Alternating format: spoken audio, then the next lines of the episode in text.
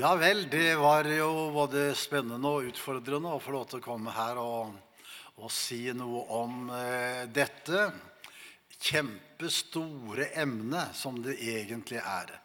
Så det var mitt problem. Hva skal en gripe tak i, og hva skal jeg liksom forberede meg på? Og, og gå inn i den eh, ja, jeg har jo en bunke med foredrag og bibeltimer om dette hjemme. Men jeg kunne bare si at jeg kunne ikke gå gjennom eh, det. Så det blei at jeg, tok litt av det som eh, ligger meg litt på hjertet, og eh, allikevel sette det inn i en sammenheng. Så hvordan forstå profetordet, eller endetiden, ut ifra Bibelen? Nå er det ingen av eh, oss som er ukjent med, vil jeg tro, at det fins mange forskjellige eh, synspunkter på mange ting. Og eh, det er vel noe av det som får også mm, apostelen Paulus til å si at vi taler profetisk stykkevis, sier han. Det er noe av dette her som ikke Og eh, Carl Fredrik Wisløff, som var jo en, eh, en, ledende personlighet i norsk kristenliv i sin levealder, han sa det sånn at 'jeg ville ikke bli uvenner med noen pga. forskjellig syn på endetiden', sa han. Vi skal få lov til å respektere forskjellige synspunkter i, i denne sammenheng. Eh, jeg har i hvert fall lyst, skal ikke jeg tale over dette ordet, men jeg kommer nok til å være innom det flere ganger. Men vi kan ha det i hvert fall som en bakgrunn for det. Det som står i eh, 1. Peters brev, og, nei, 2. Peters brev og kapittel 1 der, og vers 19 følgende.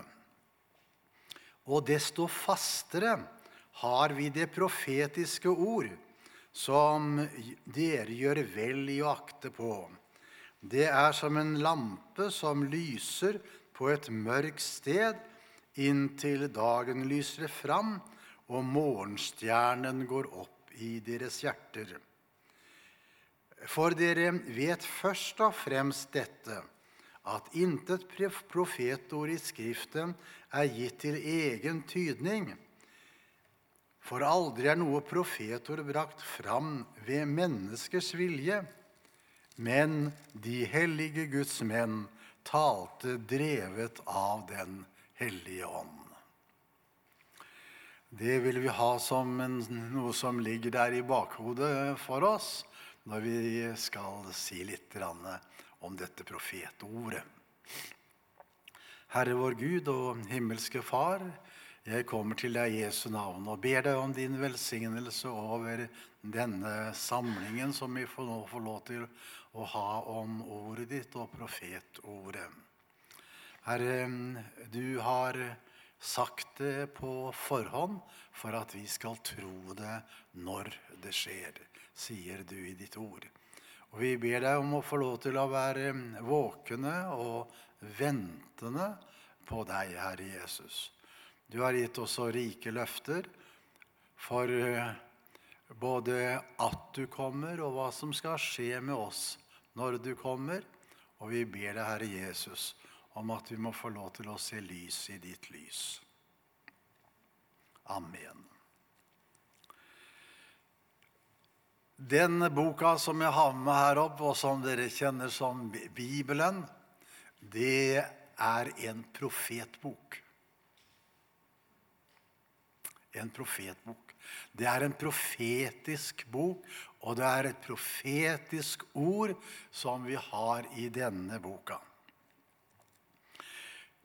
Og den, dermed så skiller den seg ut fra alle andre religiøse skrifter som verdensreligioner har. Gud stiller seg bak sitt ord og understreker dette, at han er sannhetens Gud, som kjenner enden fra begynnelsen. Og eh, den bibelske profeti den knyttes sammen, sammen både fortid og nåtid og framtid. Vi møter den som en profetisk bok også når det gjelder fortiden. Ingen eh, var øyenvitner til det som skjedde da Gud skapte himmel og jord. Men eh, han talte sitt ansikt til selve hovedprofeten i Det gamle testamentet, som het Moses. Han talte til han ansikt til ansikt og fortalte ham hva som hadde skjedd. I mange sammenhenger så ser vi hvordan han satt i, ved teltet, ja, tabernakkelet, og Herren var nær i det aller helligste. Og Herren talte til ham ifra teltet. Og han får også beskjed om å skrive ned det som Herren sa til ham. Og dermed har vi den første formen for profeti. Det er den tilbakeskuende profeti. Som gjør at vi får greie på det som har skjedd, og som ikke noe menneske var vitne til. Og som ikke oppkom i noe menneskes tanke. Det er hva som har skjedd. Og så har han gitt oss beskjed om hvordan han skapte himmel og jord og hvordan det var iblant de første mennesker, og hvordan synden kom inn i denne verden og satte sitt mørke stempel på denne verden. Men den tilbakeskuende profeti går mye lengre enn til skapelsen. Nå må jeg med en gang si at eh, dette med tids rom og sånt noe, det er noe som karakteriserer oss og ikke Gud. Gud er utenfor tiden. Det er ikke noe før og nå hos ham. For ham er alt som hører med til tiden, det er som noe som ligger på bordet framfor ham. Han omgir det. Han ser før det og etter det, og han ser det alt på samme tid det er Gud. Gud er. Gud er det evige nå. Men når han taler til oss, så taler han inn i vår tid. Slik at vi skal få lov til å eh, ha litt forstand eh, på det. Og Derfor sier han at det, i sitt profetiske ord forteller han oss hva som skjedde i evighet da mennesket var i Guds tanke og i hans råd. Da han besluttet å skape mennesket, og da han besluttet hvordan mennesket skulle ha det, og hvordan de frelste skulle ha det. Altså de kår, den stilling som Guds barn skulle ha til Gud, det bestemte han i evighet. Så du skjønner at her har vi med virkelig tilbakeskuende profeti å gjøre når dette da blir avdekket eh, for oss. Så har vi en samtids profeti. Det vil si at eh, Gud avslører det som er nå, som ikke er menneskets har øye for og ser, men han eh, taler til mennesker og sier 'det og det skal du oppleve'. Mm.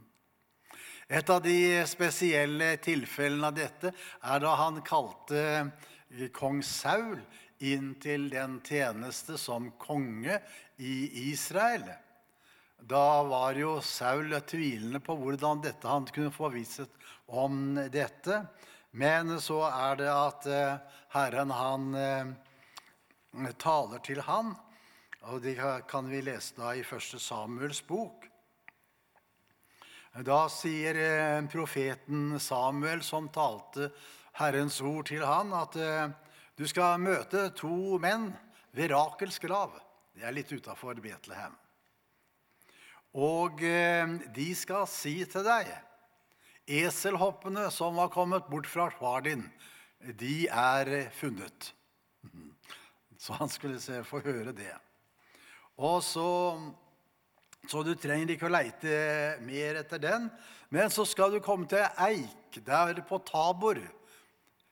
Og så skal de møte tre menn som er på vei opp til eh, eh Siloa, også, eller til Betel, for å ofre. Og de skal ha med seg brød, og du skal få to av brødene av dem. Og de skal du ta imot, sier han. Ja. Og så kan vi gå inn på de forskjellige tingene der. Men alt dette er å fortelle at eh, Gud, han ser. Han kjenner, han kjenner fortiden, han kjenner samtiden, hva som eh, skjer, det som ikke er klart for oss, for det ligger noen, noen eh, ting imellom som skiller, og ikke vi har oversyn eh, over. Og så er det slik at han ser og gir sine profeter syn kort inn i framtida, for å si det sånn. Ja, Det er noe som ligger der noen steg framfor. Og I den kristne menighet så var det slike profeter. Vi har en som heter Agabus. Han var en profet i den første kristne menighet. Og En dag så talte han, og så fortalte han at eh, det skulle komme en stor naturkatastrofe, en sultkatastrofe, under denne Claudius. Og eh, det var så kort tid fram til det at eh, Bibelen omtaler både spådommen og oppfyllelsen. Slik eh, oppleves det. Og i den kristne menighet så er det en profetgave som både kan se framover i tid, og som også ser slik som i forbindelse med Saul nåtid. Men det som ikke er avdekket for oss, Eh, en taler Guds ord, og så plutselig opplever mennesker at det er Gud som avslører ting i livet som en eh, ikke trodde at noen mennesker visste om. Eller, eller i hvert fall ikke den som taler. Jeg har opplevd det noen ganger. Jeg var i Finnmark og talte på møtet der. og kom hjem, så fikk jeg en sint telefon. Hun eh, syntes det var forferdelig dårlig gjort at jeg hadde beskrevet livet hennes den kvelden. Og, og hadde lytta til sladder eller hva, hva, det måtte være, som hadde fortalt om eh, henne. Og så hadde jeg stått der på talerstolen og avslørt alt sammen. Jeg ante jo ikke hvem mennesket var i det hele tatt. Men hva var det for noe? det var den profetiske ånd. Som ser det ikke jeg så og ikke visste, men som Herrens ånd ledet til. Og så blei det til vekkelse, og så blei det til omvendelse. Sånn er eh, noe av profetiens ånd, altså. Han avslører han som eh, er herre over alt. Og eh, eh, profetier, det hører med i Det gamle testamentet. leser vi om mange profetier, og de hører med i Det nye testamentet. Og en av de vanskelighetene som er knytta til det, er at det både i Det gamle testamentet og i Det nye testamentet er det såkalte falske profeter. Altså, de taler i Herrens navn, men de taler ikke sant om Gud, og de taler heller ikke sant om situasjonene som eh, de eh, opplever, da. Eller som de skildrer. I, eh, derfor var det at Gud han gav de gamle profeter et kjennetegn dersom det de talte om, gikk i oppfyllelse så var det jeg som talte, sier han. Men hvis det ikke var det, så var det deres egne drømmer og fantasier. Mm. Og i Den nye pakt og i Det nye testamentet har vi nettopp det samme. Vi har å gjøre med både sanne profetier og eh, falske profetier. Menneskets egne drømmer og ofte fantasier. Noen gir seg ut med å tale slik, kanskje for å gi det en ekstra tyngde eller autoritet. Og så viste det seg at det slår ikke til. Jeg tror ikke de alle være, bør være falske profeter i, i, i denne sammenheng eh, da. Det kan hende at deres egne tanker spiller dem et puss. De ville det så gjerne, men så, så holdt ikke tett og klarte ikke å styre etter Guds ånd i, i dette spørsmålet. Derfor er det profetprøven skal stå der og og veilede oss. Så Gud, han er profetiens Gud. Det er han som gir, og det er han som åpenbarer, og det er han som taler sant. Derfor er det at han ber om oss om å søke ham nettopp når det gjelder profetier. Og så sier han det slik i eh, Jesaja kapittel 46 og vers 9 og 10 der. Kom i hu de ting som hendte fra gammel tid, at jeg er Gud og ingen annen. Jeg er Gud, og det er ingen som jeg. Jeg som er fra begynnelsen. Og forkynner enden. Fra fordums tid, det som ikke er skjedd, det er det jeg sier. Mitt råd skal bli fullbyrdet, og alt det jeg vil, det gjør jeg. Hele historien fra begynnelse til slutt ligger åpent for Guds øye slik at han ser det og kan tale om det på denne måten. Og eh, Derfor er det godt å få understreke med Josva. De hadde hatt eh, mange løfter, og Gud hadde talt til dem gjennom ørkenvandringen og ved inntakelsen av løftets land. De hadde hatt mange kamper og, og nederlag også. Men han summerer opp når han eh, skal forlate israelsfolket Josva. Han sier det sånn i sin avskjedstale. Se, jeg går all jordens vei. Så skal dere da av hele deres hjerte og av hele deres sjel kjenne at ikke et eneste ord har slått feil av alle de gode ord Herren deres Gud har talt til dere. De er alle sammen oppfylt for dere. Ikke et eneste ord av det har slått feil. Slik slår Guds ord fast. Dette ordet som Herren har talt, det kan vi lite på. Så eh, Derfor har vi disse fantastiske profetbildene i Det gamle testamentet om Jesus.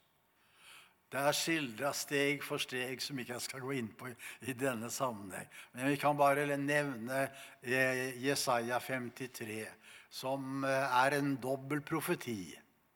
For den, den skildrer Jesu Kristi død og omstendighetene omkring Jesu død som om eh, eh, Jesaja skulle ha stått der ved Golgata og så skildra det og skrevet det ned, ikke sant? Mm. Allikevel er det ikke det profetien gjelder. Nei, for det er en framtidsprofeti. Men den har en dobbelt bunn. Den skildrer Kristi død. Men det understrekes at det er framtidens Israel som kommer med denne bekjennelsen. De skal altså oppleve, når Herren tar et dekke bort ifra Israels øyne, da er det Israels folk skal bryte ut. Hvem trodde vel det budskapet vi hørte? Og for hvem var det, ble Herrens arm åpenbart? Nei, Vi trodde ikke på han. Vi aktet han for intet og gjort elendig. Men nå ser de jo det, at han som hang på dette korset på Golgata, han hang der for vår skyld. Ja, så profetiene har ofte en dobbelt bunn. Så de kan oppfylles flere ganger, og det skal vi ha i, i mente, det. I Det nye testamentet er den eh, vesentlige formen for profeti det er det å tale eh, til oppbyggelse og trøst. Tale som Judas og Silas, som var profeter i den første kristne menighet. Og de talte til oppbyggelse og trøst. Men samtidig så er det også denne aktuelle formen for profeti som avdekker hjertets tanker og råd og viser oss at vi får med den levende Gud å gjøre. Det er det som sies i 1. Korinterbrev kapittel 14, eh, der det står men dersom alle taler profetisk, og det så kommer inn en vantro eller ukyndig, da blir han avslørt av alle og dømt av alle.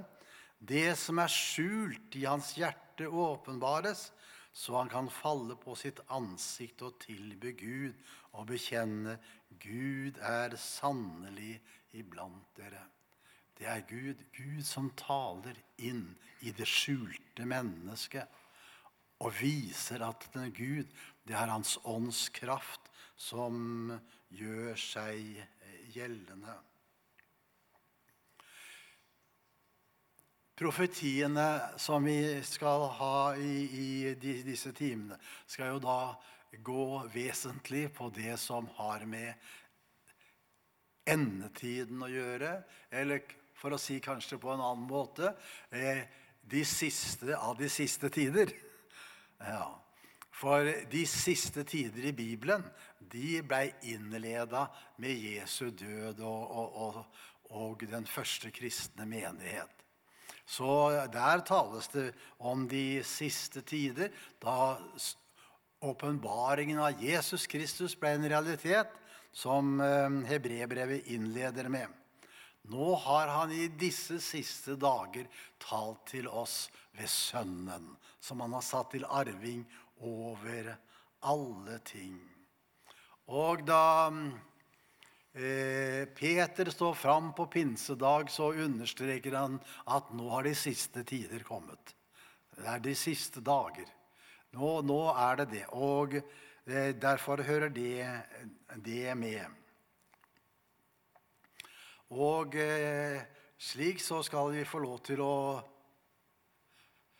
se det i, et, i en sammenheng ifra første menighetens dannelse og like til enden da Gud taler til oss.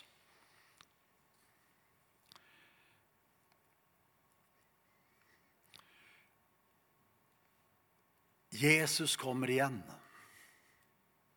Det var det tydelige ord Jesus sa til sine disipler. Og det var det som var spådd, vi kan si, eller profetert om riktigere, i Det gamle testamentet, at han skulle komme igjen. Og budskapet om Jesu gjenkomst er talt det er 248 ganger i Det nye testamentet. Så det eh, har ikke jeg telt. Jeg har lest det, jeg også. Så eh, det får stå for det. Og litt forskjellig liksom den legger i, i, i hvert ord. Men eh, det er knytta viktige spørsmål til dette, som har både av tidsmessig art, Det har med tegn å gjøre i folkeliv, i menighetsliv og i nat naturen osv. Om hvordan dette her skal skje. Og alt munner ut hos Jesus Kristus i et våk. Våk og be.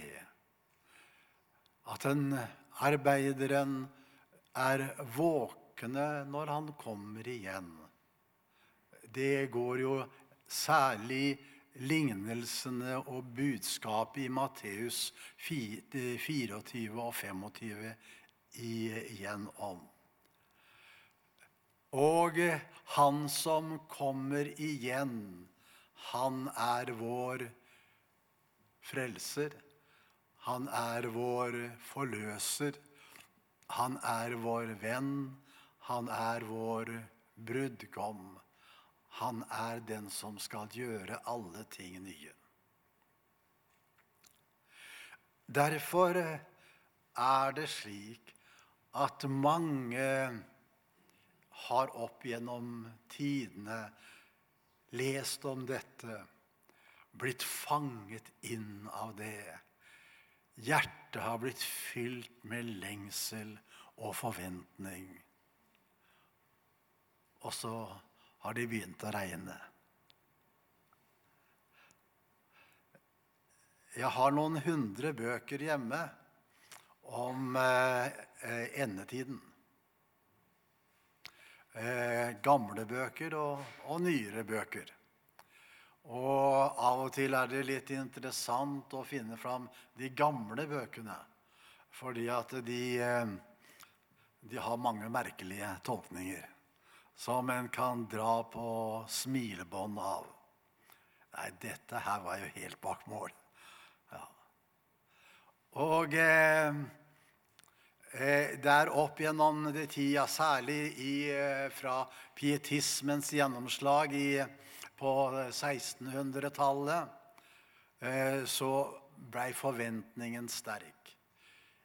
En av eh, de store bibeltolkere hvor, som skrev ganske mye på den tiden, og som trykkes opp igjen i dag, det er en som skriver Jod A. Bengel. Mm. Så, eh, og han kan du lese at eh, Herren har forbudt oss å regne ut tidspunktet for Jesu gjenkomst. Og så opplever du likevel, når du eh, tråkler deg gjennom en del av det hans, så begynner han å regne sjøl.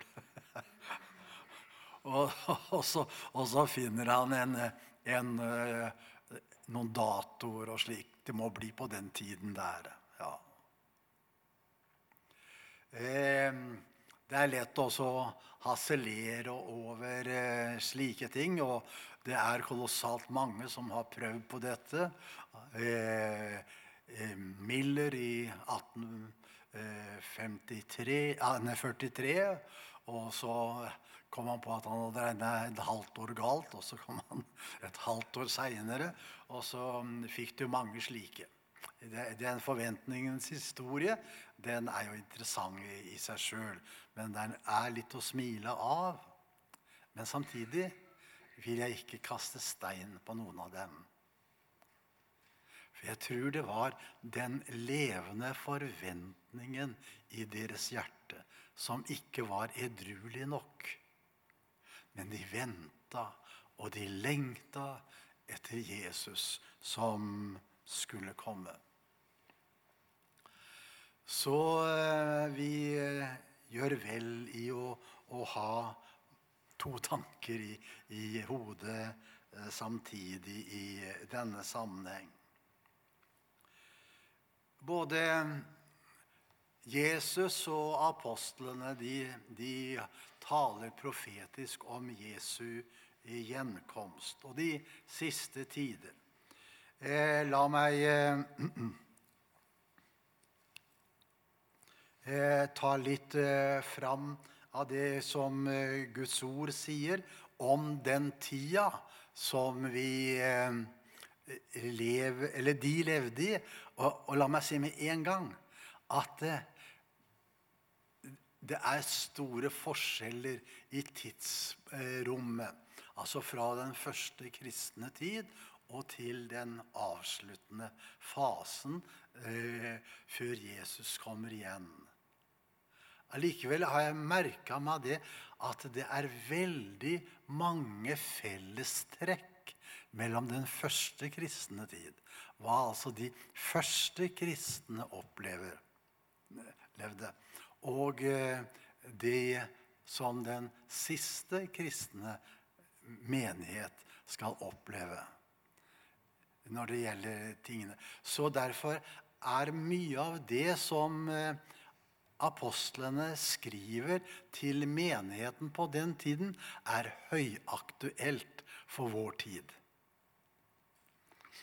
Og eh, da skal jeg nevne fra 2. Timoteus brev, der han skriver vers, kapittel 3 og vers 1. Men eh, dette skal du vite, at i de siste dager skal det komme farlige tider. Og i, eh, fra 2. Eh, Peters brev 3 og 3 vers, vers 9. Dette skal dere først og fremst vite, at i de siste dager skal det komme spottere med spott som farer fram etter sine egne lyster og sier:" Hvor er det blitt av løftet om hans gjenkomst? For um, fra den tid fedrene sovnet inn, og forblir alt slik det har vært fra skapningens begynnelse.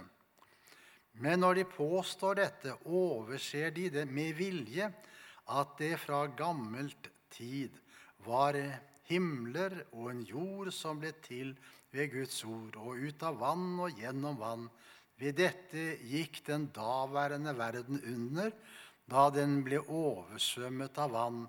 Men de himler og den jord som nå er, er ved det samme ord spart til ilden. De blir holdt oppe til den dagen når ugudelige mennesker skal dømmes og gå fortapt. Men én ting må dere ikke være blinde for, mine elskede. For Herren er én dag i tusen år, og tusen år som en dag. Herren er ikke sen med løftet, slik noen holder det for senhet, men han har tålmodighet med dere.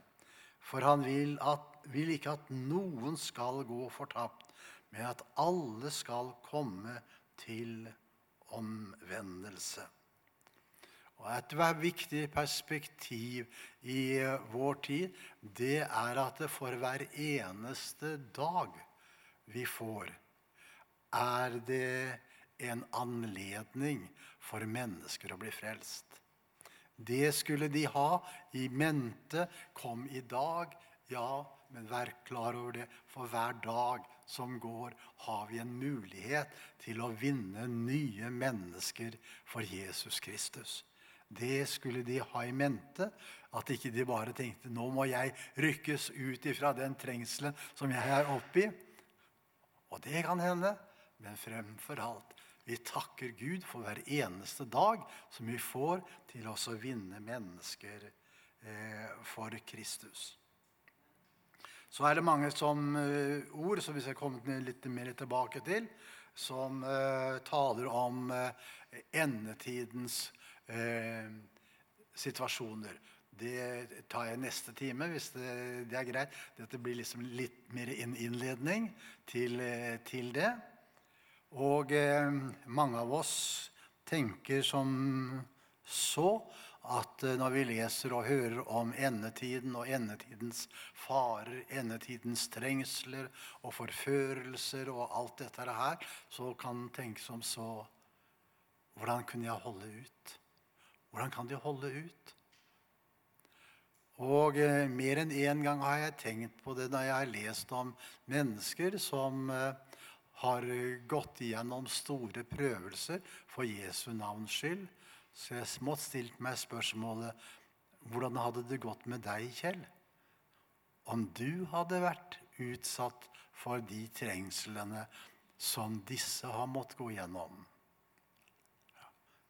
Og jeg må si, når jeg spør mitt eget hjerte,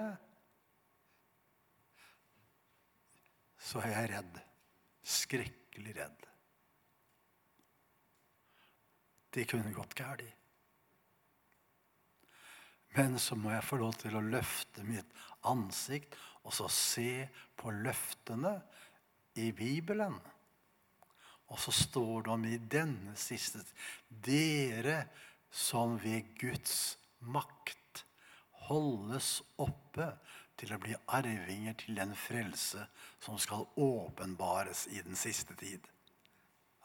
Så får jeg ikke regne med meg selv, men jeg får lov til å regne med ham og hans makt, som er med alle dager, og som er trofast mot sin menighet inntil enden. Intet av hans ord skal tape sin kraft.